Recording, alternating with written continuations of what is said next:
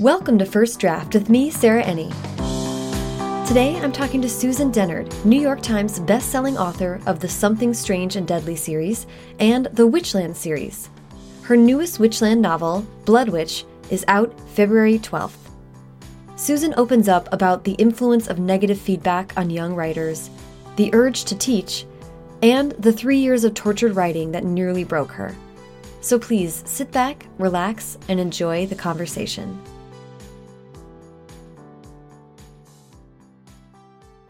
Susan. How are you? Hello, Sarah. I'm so glad we can finally do this. Finally, we've been crossing paths for like a couple years. Years, yes, actual plural years. Yeah, but uh, other times I feel like we just ended up just hanging out instead of trying to. Which is on this, also which is okay. Makes it easier. But I'm so excited you're in town and we could sit and chat. So, as you know, I like to start at the very beginning. So, for a little bit of background, would you mind talking about where you were born and raised? I was born in Virginia, which is so funny because my Wikipedia page does not say that. Whoever wrote it assumes I was born in Georgia because I was talk about having grown up in Georgia. So for you minions out there who do Wikipedia, Yeah. go fix it. If you're listening. Uh, I was born in Virginia, but I grew up in Dalton, Georgia, which is up in the northwest corner. It's pretty redneck, pretty Trump, which is painful going home now. Oh, interesting. So, family is still down My there. fa- my parents are still there, although they're not Trump supporters. So, uh, but yeah, and I always wanted to be a writer, but I didn't think it was something one could actually do. mm-hmm. Or I guess I should say I was a storyteller. I'm still think of myself as more storyteller, which I know sounds a bit pretentious, but No, no, I've talked about that on this podcast a bunch of times. yeah, you get it. Yeah. So, yeah, I wanted to be a storyteller from a young age, and then didn't really think it was something you could do, and also was really I was really scared of sharing my own work with mm. other people. I was very mm-hmm. shy. My ego was easily flattened, and I went to college at the University of Georgia, thinking I would become a writer, but wussed out very quickly, and ended up falling in love with science, which was all for the good, because I if I hadn't gotten into science, I would not have gone on to get my graduate degree in Canada, where I would not have met my husband, where I would not have moved to Germany and not have written a book. So it all ends up circling There back. you go. It's the Rube Goldberg of, of the process of your life. The, okay, so hang on. We need to p- pick this apart a little bit. So you were always. You, it sounds like you were always writing when you were a kid, like s- like Mm-hmm. yeah, where I was like forcing my sister to listen to bad stories. Amazing. It's a, a joke we have now because um, for anyone who plays tabletop role playing games, you have what's called a dungeon master, Mm-hmm. and they tell the story of the game and then the players play. And she jokes that I was DMing her whole life. I was just constantly telling her stories, and we would go through life that way. And it's true. I That's bless so her, bless her for putting up with it. That is amazing. yes. Yeah, what is her role then? I mean, she is not a writer at all. She is a reader, an avid reader. Um, but yeah, she reads all my books now and is awesome. She's a creative in a different way. That's awesome. But yeah. I was gonna say, there's no way Jen. that I, I am also the domineering older sibling, and it's funny to see how my brother has like grown up in ad- adaptation to that. Yes. And then I met his girlfriend, and I was like, "Yeah, Yeah, I get Like, it. We're, see. we're like kind of similar." And I was like, "You're welcome." I got him used to really loud, outspoken women. the best kind. yeah, he loves us. Uh, yeah, that's so funny. So, writing stories though, Yeah. were they still kind of like fan? Were you reading a bunch Yeah, of fantasy? I mean- fantasy. I guess I started writing, actually putting pa- stories down. I didn't even know one could until I think about sixth grade. I was about 12, I remember reading Lloyd Alexander, his book of three, and thinking, I can do this. I could not at that age, but I tried. Yeah, I just wrote a giant ripoff of his book that was like 13 pages long. Amazing. And then yeah and then i you know it's about that age you start discovering fandoms and you get really obsessed with things and so i started writing fan fiction and this was before i knew fan fiction you know the internet wasn't the internet back then Yeah. um, and so there wasn't wattpad there wasn't tumblr there wasn't actually email gasp that's how old i am and so yeah it was just my friend and i would write stories about Yeah. the stuff we were obsessed with so yeah. then that kind of yeah i just kept writing for fun and for fun tried to write original stuff in high school I, I wrote about this a few weeks ago in my newsletter because i put it on Fiction Press, which was the Wattpad of the 90s, mm-hmm. and I just got horribly trolled. Was, and like there was nice comments, but that back then we called it flaming. We had a different word for it, but yeah. And I at 15, it just destroyed me. You know. I- Yeah. now as an adult you understand like this is what horrible people do on the internet but when you're 15 and, and the internet is new Right. Uh, yeah I was I believed all the horrible things it was just one person but it was enough to shut me down I was gonna say, was it like a targeted? Ca- was yeah it it was they were angry about something I wrote I think I had like a British character and I didn't like how I and I was 15 Wow. I- yes I admit I based my British characters on my Jane Austen readings so that was as good as I could do Yeah, man. but they don't know that either on the internet. You're anonymous. They don't know they're targeting a kid. That's a really early age to have to deal with Yeah. someone that angry and upset and persistently upset. Yes, so I quit that and was like, I shall never write again. And I didn't really for a while, not beyond just maybe a little bit of scribblings in my note margins and things like that. Mm-hmm. But yeah, it's sad how much that really, Yeah. yeah, hurt. Well, there's, I, I've encountered many people on this podcast who have stories that are like, I mean, a lot of people have really heartwarming stories about teachers Yeah. or people in their young life, but also some people who were who had teachers who were like, "What are you doing?" and just like Mm, yeah. the stray words from adults to kids at young age. I mean, Oh it just gosh. it just sticks It in ways sticks, that yeah. as a as a, an adult now, it makes me so nervous when I talk to young people because I'm like, I I am introducing this thought for the first time, and like you don't know how your words are going to be taken always. I think about that a lot. I have a 16 year old I mentor, and I think about that every time I talk to her because I'll I'll hear something be about to come out of my mouth, and then I'm like, "That's like what your dad said to you that broke you. Don't do that. Don't- Don't." Rein it in, And rein it it's in. not like it's a horrible thing. Right. It's just the tone and the way you say something sticks with Yeah. with you. And you don't have the wherewithal at that age. I mean, we barely do now to be like, this criticism isn't like Yes. Inherently true. Yeah. Like that's a difficult thing to separate. Oh yeah. Still. yeah. Absolutely. Yeah. So, but I'm also interested in how you bounced back from that, and then you said you went to college thinking that you were going to do Yeah, writing. well, I guess I didn't think I could do that. I was good at anything else. Mm. I, I loved reading. I was good at school, great. Yeah. and I loved reading so much, so that seemed like the logical thing that I would write books. I liked telling stories still. But when I went off to school, yeah, I mean, I should have seen right away. Like, I hated the English lit classes, which is a first sign. Um, and then I was required from that degree to take just an intro science class, and I ended up taking one that everyone was like, "Oh, it's easy and fun." I was like, "All right, cool." I never liked science in high school, and it was this marine biology class, and I became obsessed. I it turned out I loved science. I love it still, and I liked fish and evolution, and I also surprised. Turned out I was really good at math and data analysis, so I ended up studying statistics and marine science. Specifically, I focused on fisheries, so it's how people's people impact yeah. fish populations in the environment. See, Um, I find that really interesting because I was married to a scientist who was like a physicist at his, actually a chemist at his core, and like we would talk about some of this stuff, and I never thought I was good at math. I got out of math the minute I first opportunity I could, and we would talk about stuff, and he'd be like, "You're good at this stuff. Yeah. you just weren't like someone made you feel like you couldn't, couldn't excel at it." absolutely, and I. It depends so much on the teacher. Yeah. like we had said, and It's like the method of high school. it is, and, and, and making it you see the point.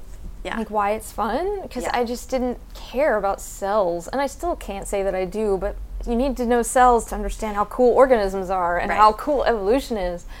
And yeah, once I saw sort of it in action, oh, I was obsessed. I'm still obsessed. That's cool. Yeah. Well, I like how you. There was a newsletter I was reading of yours recently where you were talking about being an ecologist and like looking Yeah, at ecosystems yeah. and all of the various factors All of those things go into play. and how that can relate to thinking about your life and Thinking about life, thinking about writing, building worlds, Mm-hmm. everything. Yeah, no, I get really excited about science. so as my anyone who follows me on Instagram already knows that.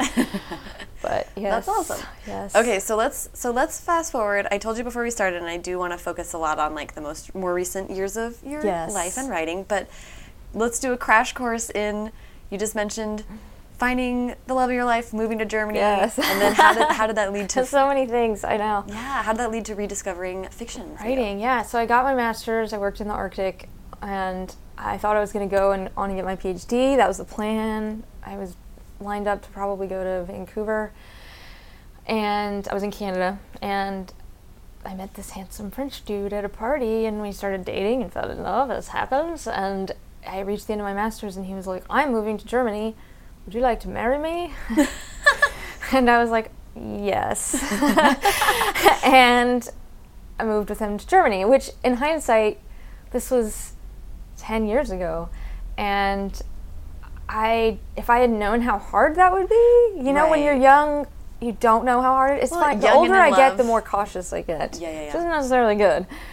But yeah, I was like, sure, I'll move there. I don't speak any German, but I will figure it out and it will be great. And no, I won't be working because I was doing freelance stuff on the side. Like I could do that remotely, but it was not fulfilling at all, Mm. you know. And um, and I was like, I'll write a book and get published, thinking it's so easy. One just So- writes a book and publishes it. So that's interesting to me that you were like, okay, we're going to go through this major life shift. Yeah. And something that that came to mind for you was, I'll go I'll back. go do that thing. Yeah, that thing. And I, science had taught me self discipline. Yeah. Which I did not have before. I could do things because my teachers told me to. Mm-hmm. But in science, you don't have that. When you're doing a degree program or you're in academia, you don't have that. You're your boss. Get it done. Mm-hmm. Meet your deadlines. Turn in your papers. Submit them, etc. Right. So I learned a lot about getting things done and, you know, showing up. Yeah. And that I realized one needed in order to be a writer. And so I thought, you know, I'll do this freelance stuff. It will pay my bills in Germany. And I'll write a book and teach myself everything. Because I'm also a researcher, so I was like, I will learn everything about writing and publishing. Right. And I did. I spent a year just studying it while I was still doing this data analysis, which was not fun. Right. Because it wasn't my research. It was uh, someone else's math for them. Or Yeah. so, yeah. And then I wrote a book, and I got really lucky. I mean, I worked hard, but I also did get lucky, and then I had the right book at the right time, hmm. which is so key. And I emphasize that constantly to people because you can have an amazing book that will never sell just because it's a darn market. Right, right, right. And it's unfortunate because it can be so frustrating when you work so hard and you never sell a book or your book never breaks out Mm-hmm. Right. or and you feel it's your fault when it just isn't. Yeah, there's something that I'm interested in talking about a lot lately is just like the myth of meritocracy and just like Yes. that accepting that is a huge thing. Yes, we can definitely discuss that Yeah. because I try to hit this message a lot to people that yeah, it doesn't matter if you work hard. I did work very hard, but I also got lucky. I wrote steampunk when everyone thought steampunk was going to be popular. Mm-hmm. I knew which agents to query who were looking for it, so they requested it, and then we sold it. Yeah. You know, and it was, and then the, and then steampunk did not become a thing, and the series tanked. So I talk about that a lot, right? Right. You know, like Yeah. having a great start doesn't guarantee anything later. Right, right. But yeah, looking back, it's funny because if I had known how hard it would be to move to a language where, or a country where I spoke none of the language, Mm-hmm. If I had known how hard it would be to write a book and get published and stay published, Yeah, yeah, yeah. y- you know, it's like, would I have had the guts to do it? Yeah. I'm kind of glad I knew nothing. Yeah. That's it, makes real. you take that step. Mm-hmm. But yeah, looking back, I'm, it was hard, and I didn't know what was ahead. totally. I thought it would just yeah be so easy. So I'd love to hear just a little bit about that, about like being in this country, not having a day job where you're necessarily going to see other people. Yeah. and Oh my gosh, yeah. Completely turning into your own mind. I think the hardest thing, honestly, was the language because we lived in this rural area. Oh wow. And so it wasn't like I was in Munich where there would be an American population or a lot of English speakers. Right. No one. Was farmers. Wow. Um, part of that was because my husband lived or was working maybe 20, 30 minutes away, and that was what we could afford was a little rural rental.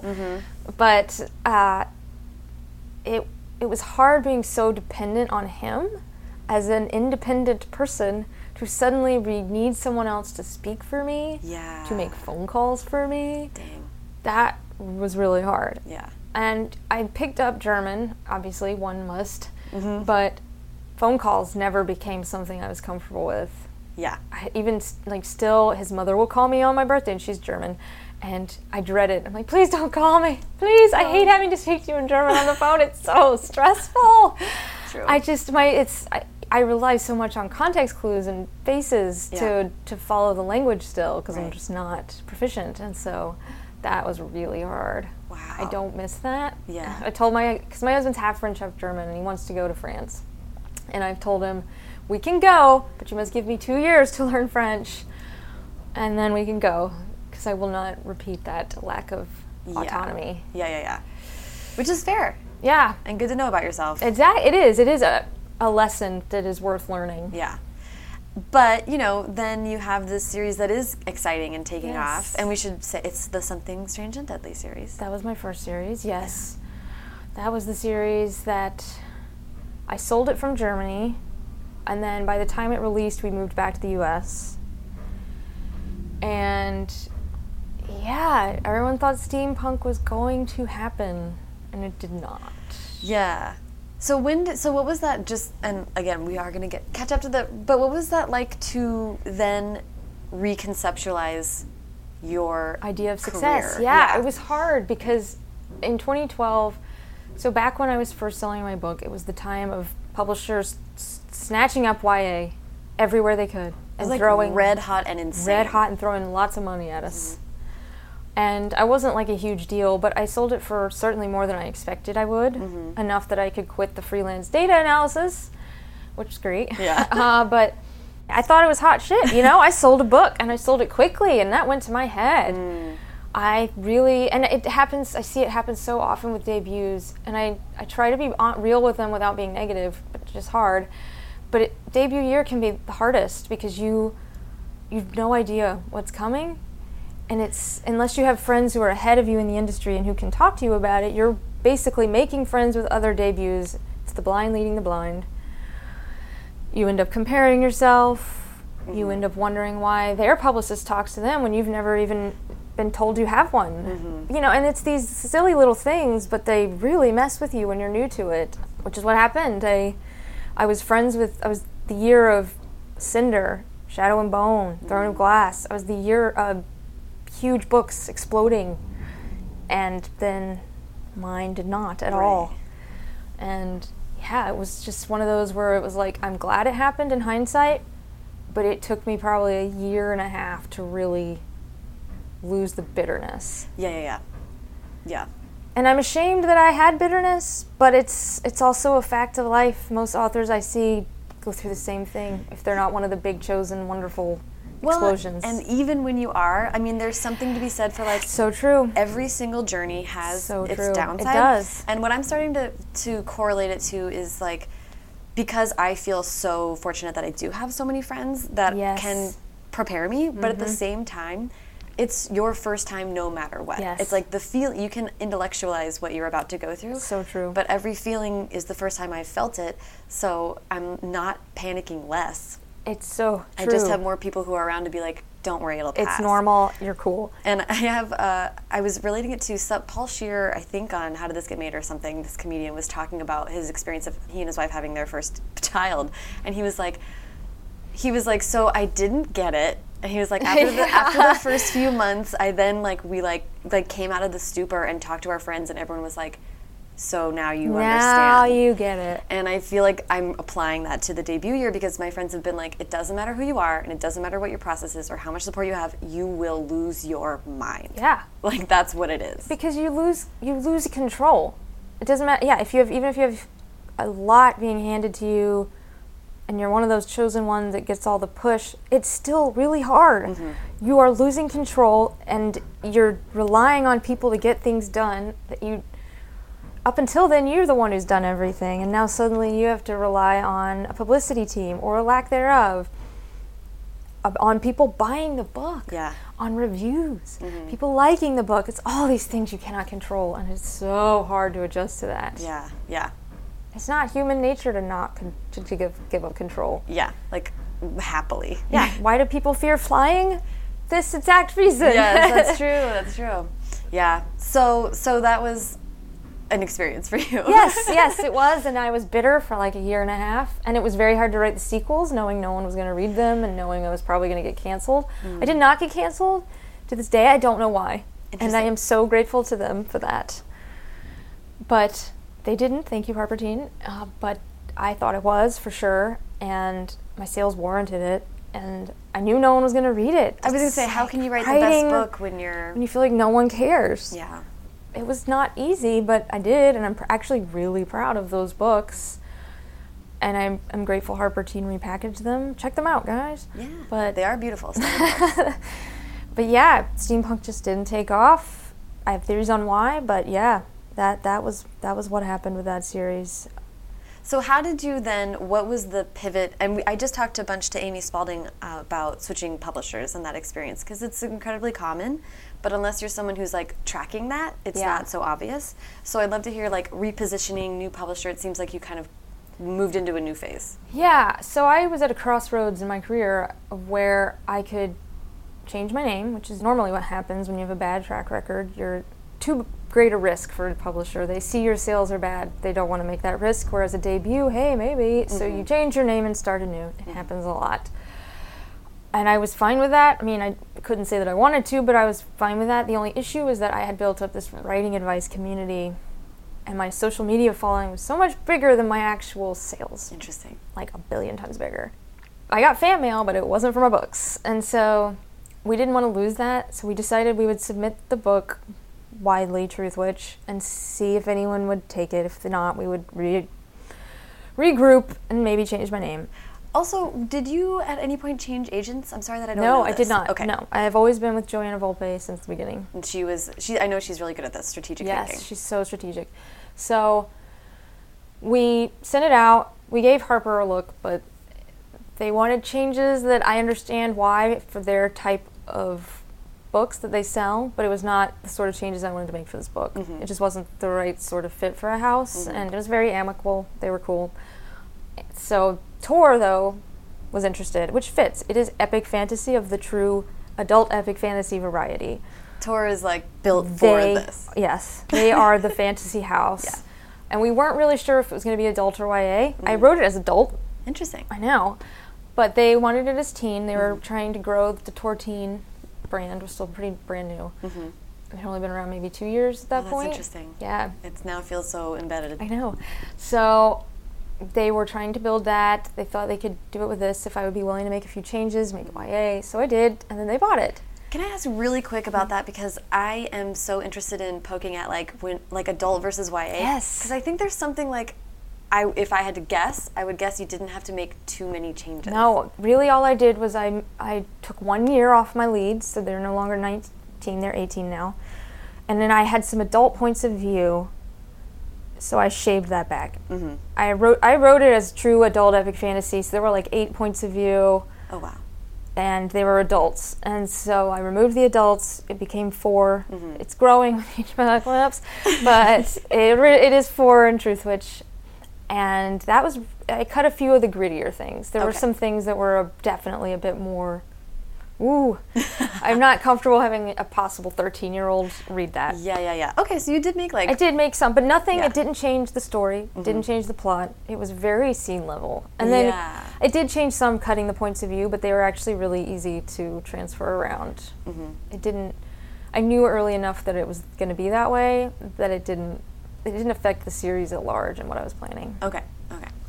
So yeah, I, I made those changes. I will say, at times I regret that because I don't think the YA readership does not look for the same things the adult fantasy readership does, mm. and my book, from a world building point of view, skews adult, Oh, and readers don't get that. Some do, certainly, interesting. but there is a certain. So in adult fantasy, you do not explain the world. You just dump a reader in, and they figure it out from context clues. go, yeah. And I grew up reading that. There was no YA when I was a kid. so I grew up reading Robert Jordan and McCaffrey. So that's what I wrote. Mm-hmm. And that has been the biggest complaint is people don't get the world. They want me to explain things Interesting. and they Yeah. can't figure it out and they don't like all the new terms. And it's it, the first time I got that feedback when I was getting reviews, I was like stunned. Mm-hmm. It had never occurred to me that that was not something that happened in YA Yeah. that the YA fantasy genre was still so new, that didn't happen. So that is if I could go back and fix one thing, that would be it. I would make the world way more accessible. I would explain more. Hmm. That's a really interesting point. Yeah. Because it isn't like that's a frustration, right? Like that's a tension Yeah. because you're like but you have you just have to be a critical reader at some point. Like like demanding some something of your readers on the one hand is like I think you're smart, so I think I trust that you can do this. Yes. But on the other hand, like you don't want to make it too hard. Well, that's and that's what I've had to accept. I don't think this series will ever explode because it does require a reader who is very much willing to trust me Right. and who's very willing to to be uncomfortable for maybe the first 100 pages while they figure out the world. Right. Right. And a lot of people aren't, and that's totally fine. It's just not the book for them. Mm-hmm. Yeah. And it's funny because I always am worried I'm making things too complicated. And my number one critique partner, who is a reader, not a writer, she always says, I love complicated. People who love your books love complicated. So don't change it now. Yeah. Stay complicated. Right. They liked it, and that's why they are sticking with it. Your next book, you can make more. Right. But- Super interesting to think about you being in this place with this book now about like I'm and I'm projecting onto you, so I'm, this is my perception. But it's like having the first series not go exactly as you planned and not blowing up, but then this series is like a core of really loyal readers. Yes, it is, and I love them. Mm-hmm. I am, I am so loyal back. It's maybe a little creepy, but yeah, they're they're like me as a reader, and it's funny because that's I have a posted on my computer that says, "Would my ideal reader like this?" And I try to think back on 14-year-old Susan who was writing fan fiction of her favorite worlds. Mm-hmm. What did she want? Yeah. And those are the people I'm writing for. Those 14, 15 year olds who really want a world that is dense and meaty and that they can fall into and write fan fiction for and, mm-hmm. and mm-hmm. feel like they're a part of. Mm-hmm. So, yeah, hindsight, man. Yeah, that's interesting. but I mean, you're learning, and you know, this is the beginning of a career. So Yes, still. it is. It is still the beginning of a career. Yeah. So how? So the transition and the move to Tor and starting the yes, new series. move it to Tor, new editor and everything. Um, they took a chance on me, and I mean, I don't want this to sound as if I'm criticizing them because it isn't at all. They expected nothing from this book. Oh, interesting. Okay. No and, pressure. No, and I don't blame them. You know, my sales were not there. I get why they would think this book would be this quiet little complicated fantasy Mm-hmm. that would be cool. Right. But I cleverly, not intentionally, purely by, again, good luck, had started my newsletter. Mm-hmm. And I w- had been for years framing all my writing advice through Truthwitch. Mm-hmm. So the people who f- had followed my writing advice but weren't buying my books were suddenly very invested in my books. They felt very a part of that process. Mm-hmm. Thank you. Thank you, people, misfits and daydreamers. So, BEA came along in 2015, and there was this huge rush. People started lining up at 6 a.m. to get Truth Truthwitch. Surprised me. Amazing. Really surprised Tor. and so that is when they were suddenly like, oh my God, maybe we have like a book we could do something with on our hands. What? That's and exciting. so the strategy changed, which is great. They're a very small house, so they're never going to be able to no, but they can also be nimble. They are nimble and they're very willing to work with me, which I appreciate. I would rather have someone who will respond to my emails and we can form a strategy together mm-hmm. than, you know, maybe all of the push and all of the of the awesomeness. But I feel like I'm not a part of the loop. Yeah. Yes. For me, mental health wise, I like to be have some control, even if it means I get less. Mm-hmm, mm-hmm, yeah. So, I mean, I owe everything to my newsletter readers, really, and then my street team that resulted from that. So, Yeah. So we're gonna. I want to loop back to that Yes. because that's such a central part of your like existence as a writer. Yes. um, so I want to get back to that at the end, and then when we do advice as well.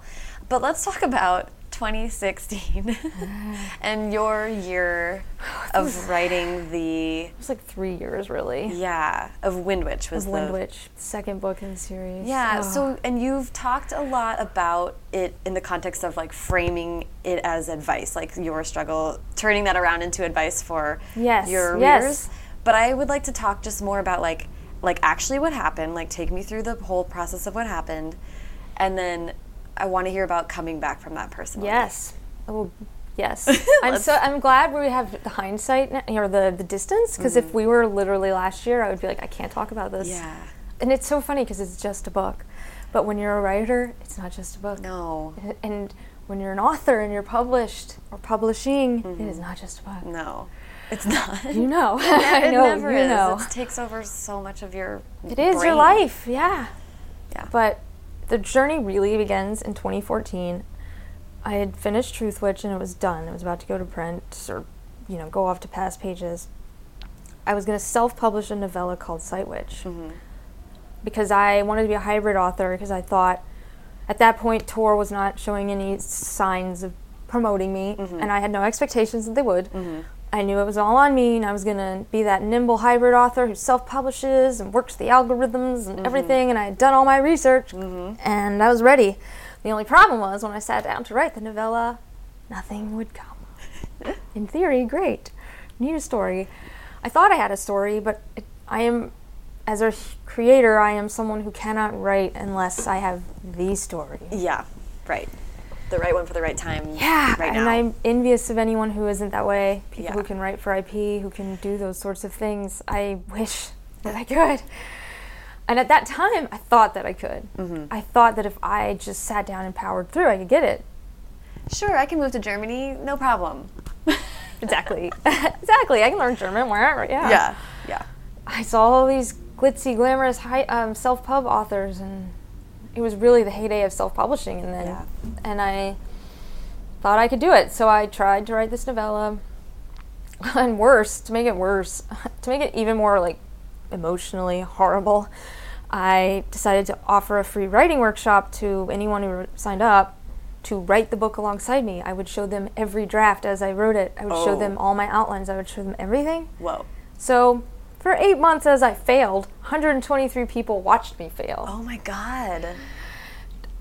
To say that I turned into a ball of stress is not. I can't even articulate the stress I was going through. I lost like 10 pounds, and as you know, I am a very small framed you person. don't have I don't have 10 lose. pounds to lose.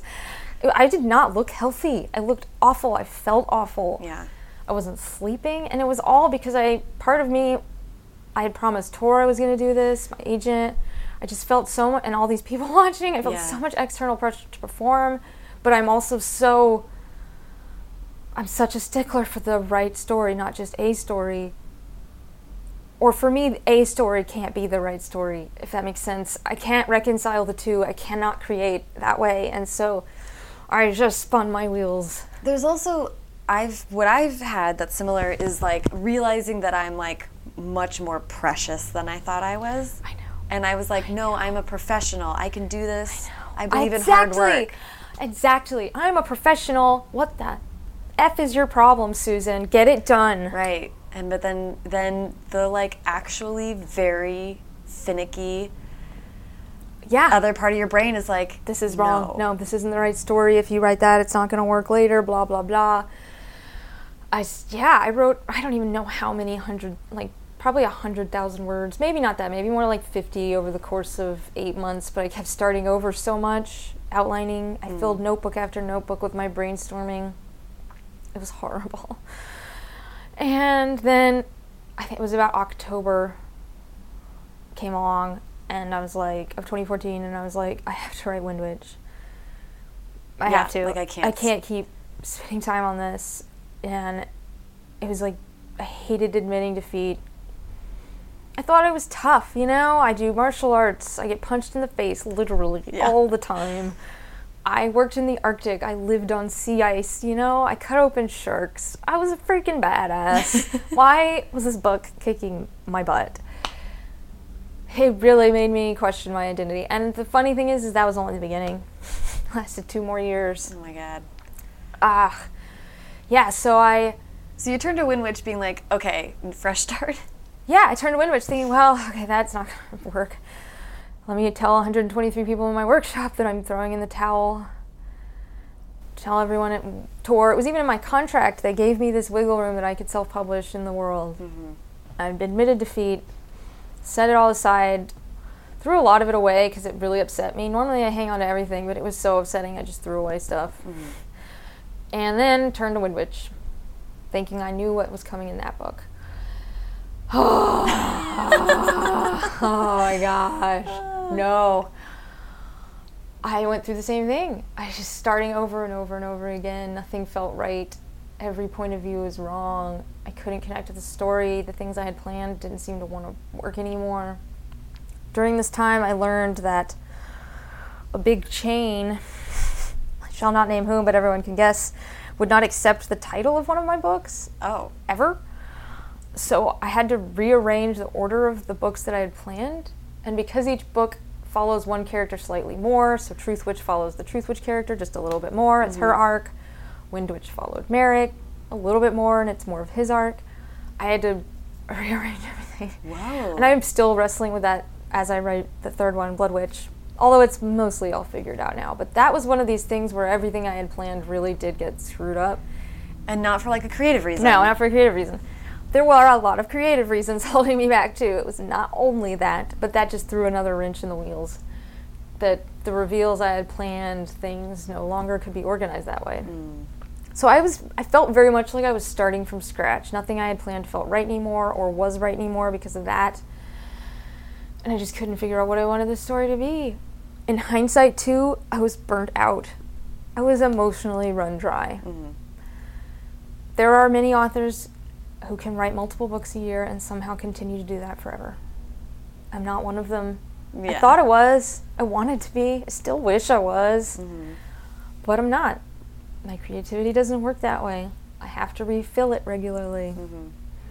But I didn't know that at the time. I just thought I was failing to be professional Yeah. Right. and I was letting people down.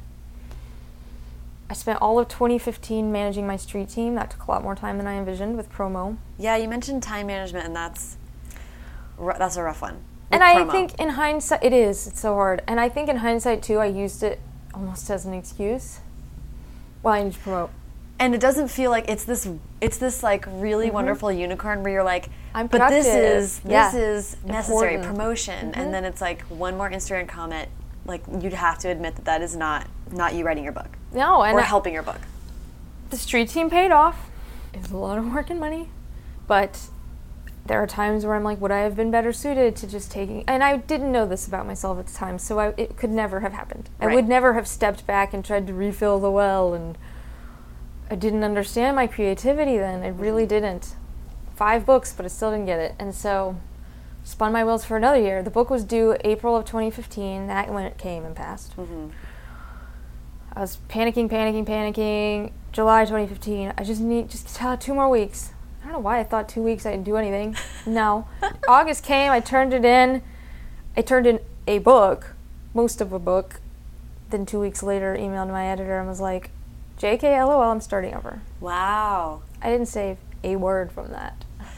wow It was the right choice. God, if I had stuck with that story, I would be not in a good place for the rest of the series. Yeah. I'm so glad I didn't. right how did you so when you have this moment this like summer of like pain That was the worst. 2015 was the worst. okay how did you maybe not, maybe 2016. we'll get to that. but how did you? This is an interesting thing that I don't think we talk about very often, which is like if you're feeling like that, did you talk to Joe? Did you bounce it off friends? How did you find? Because it's a brave thing to send that email of like, stop everything.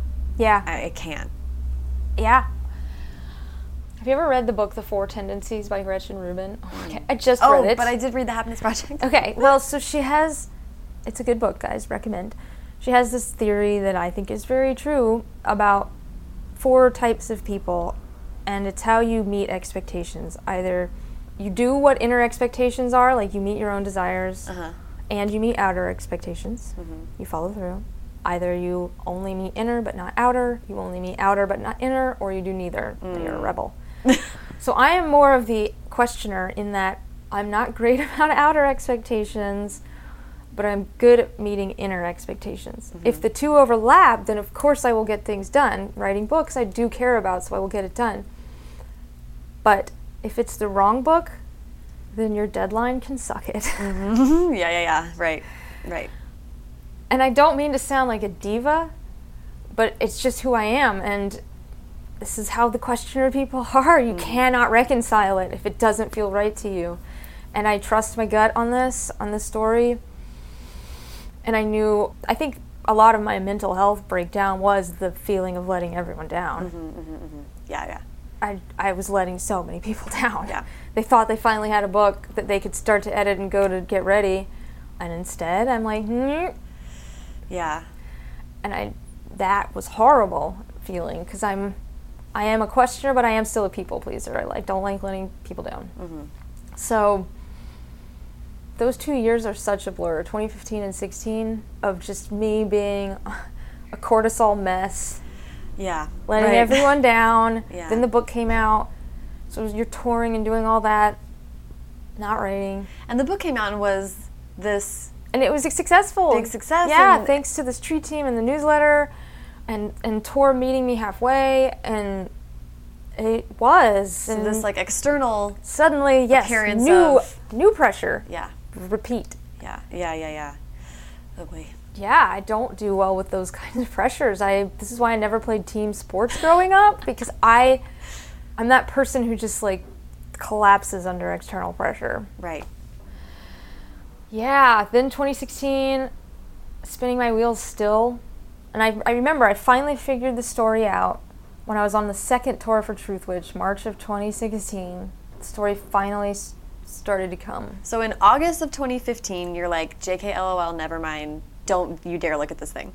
And in March, you're like, I think I finally figured it Yeah. out. And mind you, I wasn't not doing anything that whole time. I'm trying to write, which was a big mistake, but I mm. was. To me, productivity meant getting words down. Mm-hmm. So I was trying to write every day, throwing it all out because it was never right. Mm-hmm. Could not un- could not see that that is not truly productive. Could not see at the time that that was not how my creativity worked. You weren't being lazy if you stepped away. It's mm-hmm. okay. Uh, and I also see in hindsight too that I I need simmer time. But we'll get to that. So Yeah. March story finally comes. We're so behind at this point that what I start doing is I start writing it by point of view and sending my editor a point of view as it's done. Mm-hmm. Here's this character, moving to the next while you edit that. Okay. I finished the book, like we got through edits and everything on September 30th at midnight of 2016. It was due midnight. The absolute latest you can get this and it will be printed on time is midnight. I turned it in at like 12:23 a.m. Wow. Oh my God. Wow. They had a man in India waiting on me Wow. who was going to be typesetting it. That's incredible. Yeah, poor Tor. I put them through so much, which I felt so bad about that I wrote every single person there a handwritten card after Suze. apologizing. So sweet. it was a lot of cards. It's really hard when you're writing that many cards to find different ways to say thank you and I'm sorry without being redundant. Oh my God. But anywho, I felt so horrible. yeah. But I'm so glad I did it because I'm so proud of that book mm-hmm. and it was the right story. Mm-hmm. And believe it or not, most fans liked it a lot more. Like they didn't just like some didn't. That's always gonna happen. Yeah. But most didn't just like it a little more. They liked it a lot more. So I knew I did the right. I did it right. Yeah. It was worth it. Yeah. Believe it or not. not sure Tor agrees, but I know it was. Yeah. Yeah. And for the listeners, that book came out three months later. Whoa, that's such a fast turnaround. Oh my goodness. Wowza. I mean, you were you were emailing the typesetter in India. In India to get it done, but they did it. Bless them. Wow. So how did you this year? It's like How did I recover? well, yeah, you, it's like a year and a month later. You're, you're talking about like this whole thing goes down, and in there the book comes out. I mean, that's so. It truly is such a short period of time. Honestly, Yeah. it feels like a million years. But that But no, it does feel like a million years because so much has changed. Amazingly, it was a horrible experience. Alex Bracken always tells me, like now, she'll tell me now, now that it's passed and I'm mm-hmm. recovered, that she was genuinely worried about me. She was sending me flowers and food Oh. regularly because she oh was God. like, eat, because I was just so stressed. You know, I looked like I looked unhealthy. I mm. felt unhealthy. I was. Well, that's what happens when your body goes into this constant cortisol pump Yeah. of fear and panic. yeah, yeah, yeah. Double eye twitch, you know, and it's like again. At the time, I kept trying to tell myself, "It's just a book. It's just a book. You're not curing cancer. You're not saving the world from nuclear war." Oh no. But that's not how it felt. Ooh, see, that's such a double-edged sword too. Like on the one hand, you are approaching this like, I have to do this thing. It's the most important thing, and also it's not even Yeah. that important. I And know. like you're just like get over yourself. You're yeah, you're attacking from all sides. I hadn't even thought about that. You're right. That's just one giant Yeah. Heart, yeah, the devil and the angel There's- not not being helpful. They're both devils. And this is like um, something I've talked about on the podcast before, so I apologize for repeating myself. But there was this. It's a correlating. I'm going to get to the where it connects. But there was this wonderful article, heartbreaking article about teens in Silicon Valley who were there was a rash of Palo Alto teens who were killing themselves, most specifically by more than one of them jumping in front of a commuter train. So it was this in, insane trend that it was like, okay, of, of course, everyone was like, what the hell is going, going on? on? Yeah. And they had to get in there and analyze it. It was an article in the Atlantic and what it gets into is this discussion of like the Silicon Valley work ethos of like go, go, go, constant, constant. And then also the ethos of being idealistic and always positive and rel- this like relentless optimism that goes along with this you're never good enough. So that these teens raised by Silicon Valley parents were having these expectations put on them that were sky high. Get into Harvard, do every extracurricular, be the best in your class, or was never was never provided because it was just like keep doing your best hun and like putting a smile on your face and so it was like there were no consequences there was no flip side of it so these kids were spinning their wheels until they actually Yeah, were driven to that Helpless. and reading that was so devastating because I was like, this is a larger thing. It is Yeah. worth thinking about how we do that to ourselves, and then you don't have anywhere to go mentally. Mentally, yeah, there is no. You'd Uh, rather no someone yell at you at that point. Yeah, and I thought f- they would cancel the contract, and I th- maybe deep down kind of wanted it just to get the pressure off of me. Right. Yeah, and it, I it, I don't know that they intended to, for it to be this way, but they gave me this this we will not push the book back. Mm. So it, there was no option. That was like that. I saw no other option. Right. Mm-hmm. I had to get it done, and we're not pushing it back. So whatever I had, they were going to publish. And in hindsight, that's not true. Of course they would have if I didn't have a book. Right. But I didn't see that. Right. And you know, for their part, it's not like that was a way of using, of like trying to motivate. Yeah, they thought you I was the person who would respond to that, I guess. but oh, yeah, it was so horrible and I was pretty broken after that physically creatively. I hated the series, never wanted to write another book. Oh, uh, I was so just like no. And then, I mean, the book came out so quickly. I, as soon as I finished it, I dove into promo and running the street team again. And mm-hmm. then this book came out, tour. They bought, they were like, okay, we'll push back Bloodwitch. Like, we all need time to recover from that. Right. And I was like, yay, cool, all right. I have a little time. And I took a month off. And I did not. This actually didn't come right away. I tried to immediately dive into Bloodwitch. Oh, boy. Of course, of course I would. but finally, through to some outside circumstances, I was forced to take a month off. And I decided to use the time that I was not even, I wasn't going to think about writing. I wasn't going to think about anything. Instead of, you need to be writing every day, if I thought about it, I was going to be like, you need to stop. Mm-hmm. And I did other things. You know, to me, I was being lazy. I was like going to the gym. Mm-hmm. Or I, I was reading. I was playing video games. I was being kind of a sloth for a whole month. Like, what? Mm-hmm. But then this amazing thing happened. About three and a half weeks in, I started to feel creative again. Mm-hmm. Amazing. I was like, wow, this feels good. And then around then, Tor approached me and they were like, hey, remember that novella you tried to write? That awkward thing?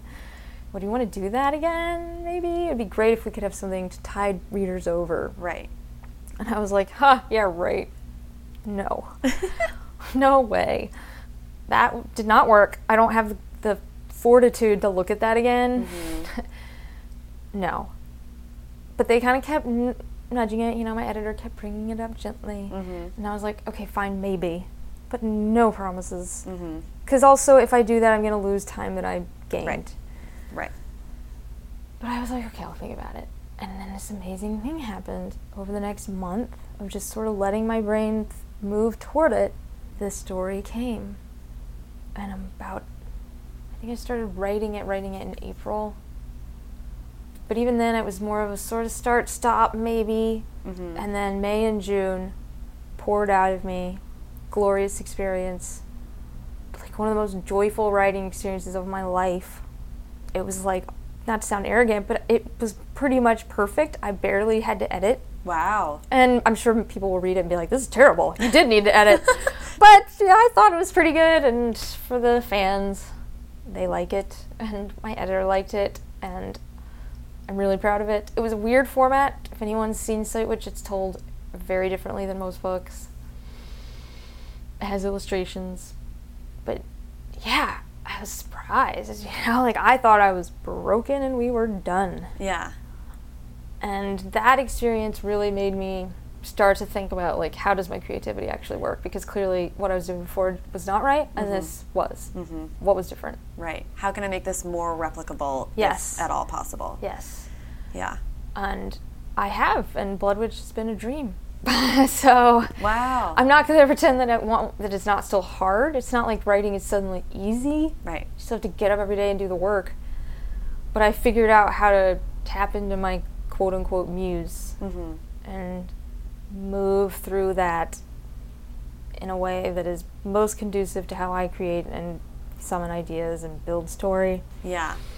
I don't want to press you to. I'm like, go subscribe to Susan's newsletter because you do break it down in your newsletter in like really helpful ways that people can access all the time. So I don't want to make you redo that here. Uh, Yeah, I but- do want to ask about part of like the the Sightwitch process and the recovery process. Like, how did it work with like your team and also your family and friends? Like, how did how did like Joe, your agent, communicate with you in that time, and how did your editor? I mean, I mean, you they were still, I still was talking to them. I just told them I'm not doing any writing. yeah, I will not be writing at all this month. I would answer emails and things. I wasn't inaccessible. I did take like a week vacation, mm-hmm. and then I was not. But yeah, it's just that I, I was allowed to do other work. I just was not allowed to think about writing, and it was mm-hmm. amazing how freeing that was for my brain. Mm-hmm. I mean, I guess I'm curious just that like when you are so gone and so like nervous that you might not ever be able to do this again about how like the people around you in their particular roles yeah, I mean, I guess my age. No one ever actually believed me. oh you know, the whole time where I'm like, I don't think I'm gonna finish this. I'm gonna have to return my money, cancel the contract. None of them thought that was true. They all knew I would figure it out, which is not helpful when you're the one in it. I don't want to hear that I'll figure it out. Mm-hmm. No, I won't. Right, right, right. I will not. Stop saying that. but they were right, and I did. And it's funny because having gone through that, whenever I encounter friends or other writers who feel the same, I know not to say that. It is Right. not helpful right for someone to say, "No, you'll pull through." And it is like this kind of thing where it's very sweet that people you know i've had people say that too like well you'll figure it out and i'm like yeah i will because i am the one who ha- who will do I'm it the only one who can. Yeah, I like- have to. it doesn't help for you to reconfirm that to me you're like well you're all alone in this so you know like thanks That's exactly it. You're all alone. That's what it feels like. Yeah, no, I mean, bless my husband who spent a lot of time alone and did all the cooking and cleaning for like months on end. But yeah, I mean, after that, I had to sort of be like, okay, husband time. He deserves time. This was not fair to him. Right. And I will not repeat this to him.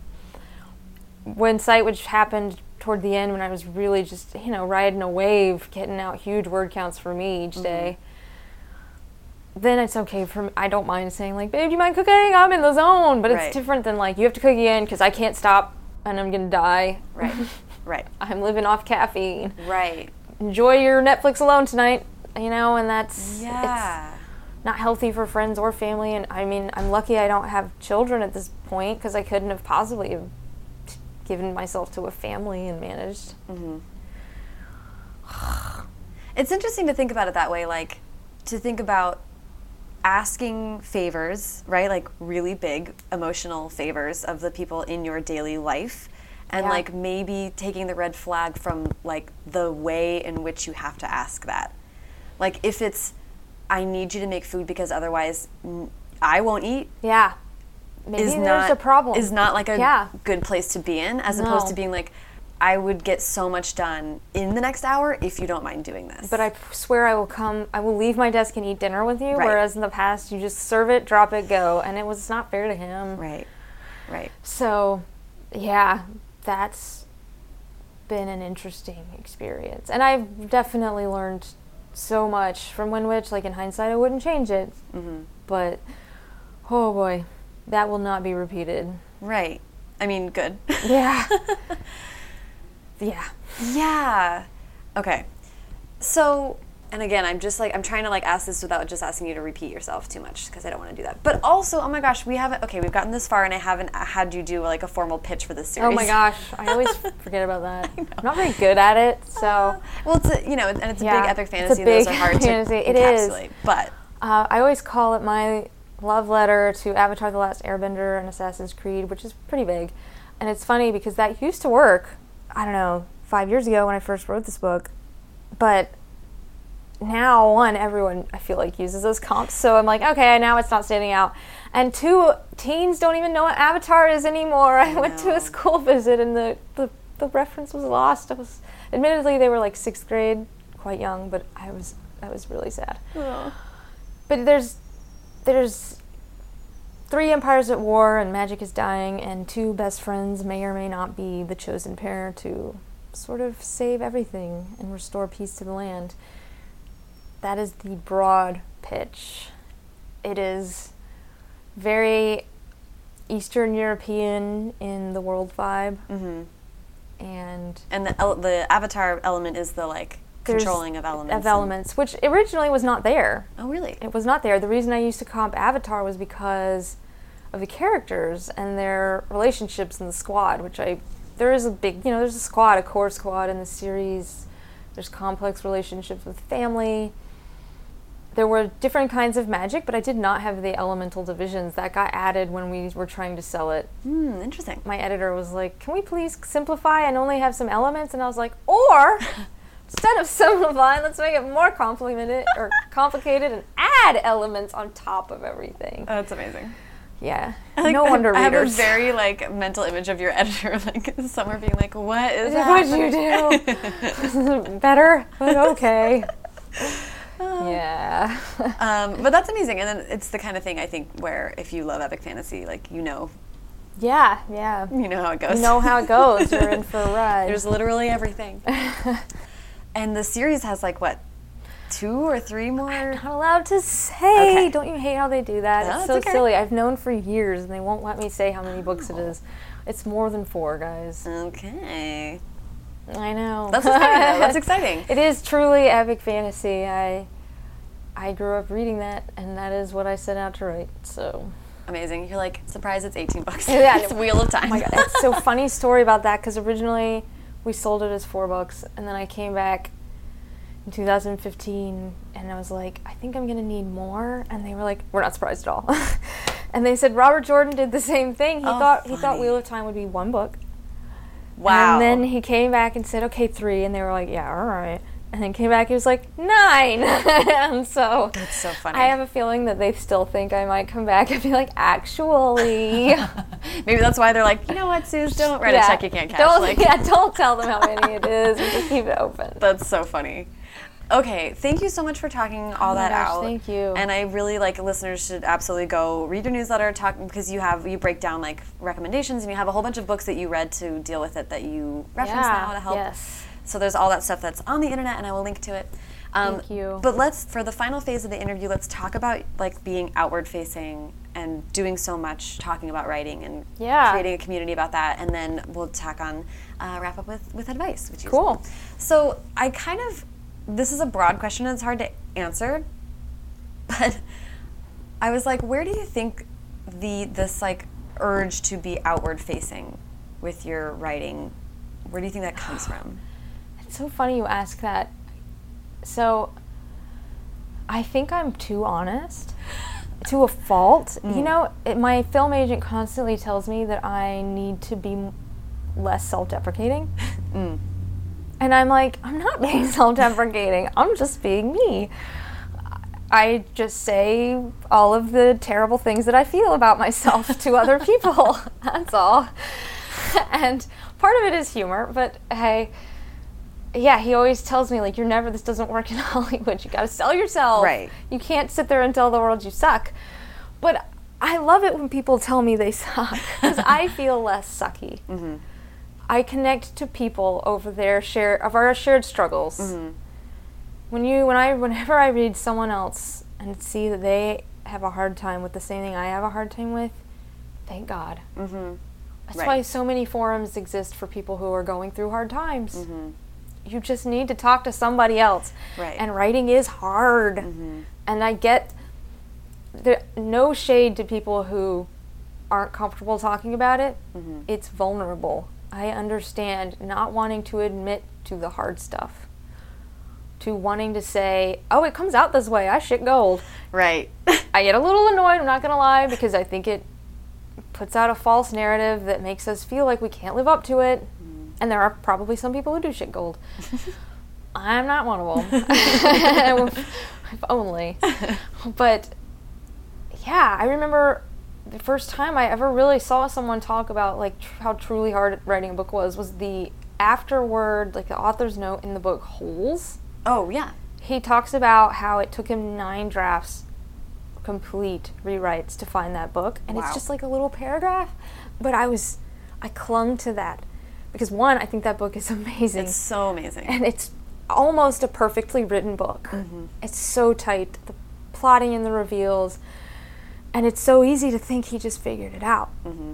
And the fact that not only did he not but that he admitted to it i just was like oh my god thank you. Yes nine times to figure this out. Mm-hmm.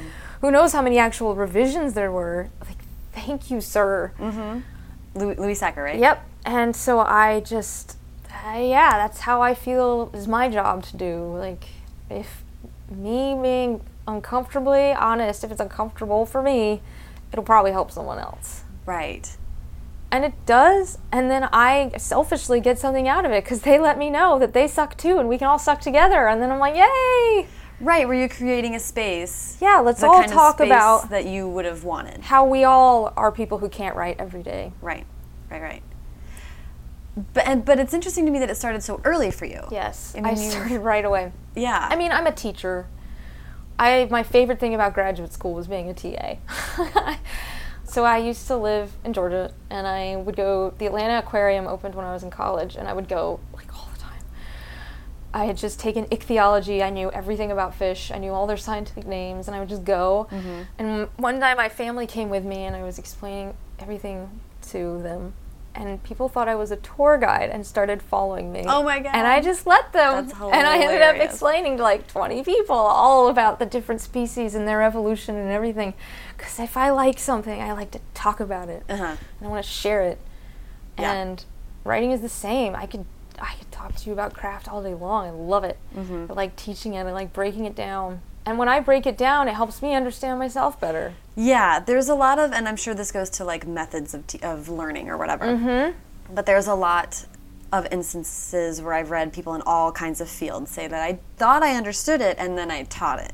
Yeah, And- it's so true. When you have to teach it and explain what you're actually doing, Mm-hmm. it completely changes how you understand. Yeah. And I mean, I think the reason I do the podcast is because I just need to talk things out. This is why, like, talk therapy works for me. And I'm just, Yeah. like, I just need to, for, for me, the process of going from co- abstract concept to spoken word is the is it. Yeah. So yeah, we develop ways to do enable that yeah. in our own lives. Yeah. Because uh, it was just so funny to look back and be like, that was sort of hand in hand with your personal growth. Was just like Yeah. inviting other people in and See creating this. Yeah, because I started blogging really when I started writing in 2009. Yeah. Mm-hmm. And so it's painful to look back at those old posts. I really didn't have a voice yet, but I had been talking about writing since then. And I, I think what separates me and my blog and why it took off was that I was consistent. Yeah. So many people do it and stop because it's not for them, and that's fine. Right. You know, you think you have to have a blog or a newsletter, so you do it, but you're not consistent and no one will stay with you. Yeah. And I have always been from the start. How do you balance the time Yeah. for that? You know, and I'm, I'm not great at it. Yeah, I lose a whole day, usually at least, to that one newsletter. So it's always kind of like I know every two weeks a Friday is gone. Right. And I plan my week around that. Friday is spent for the newsletter. That's that. But then also, it's, It's, giving back. Yeah, it's giving back. It's what made the success of Truthwitch happen, and I will never forget that. And I mm-hmm. will always continue to give people that back.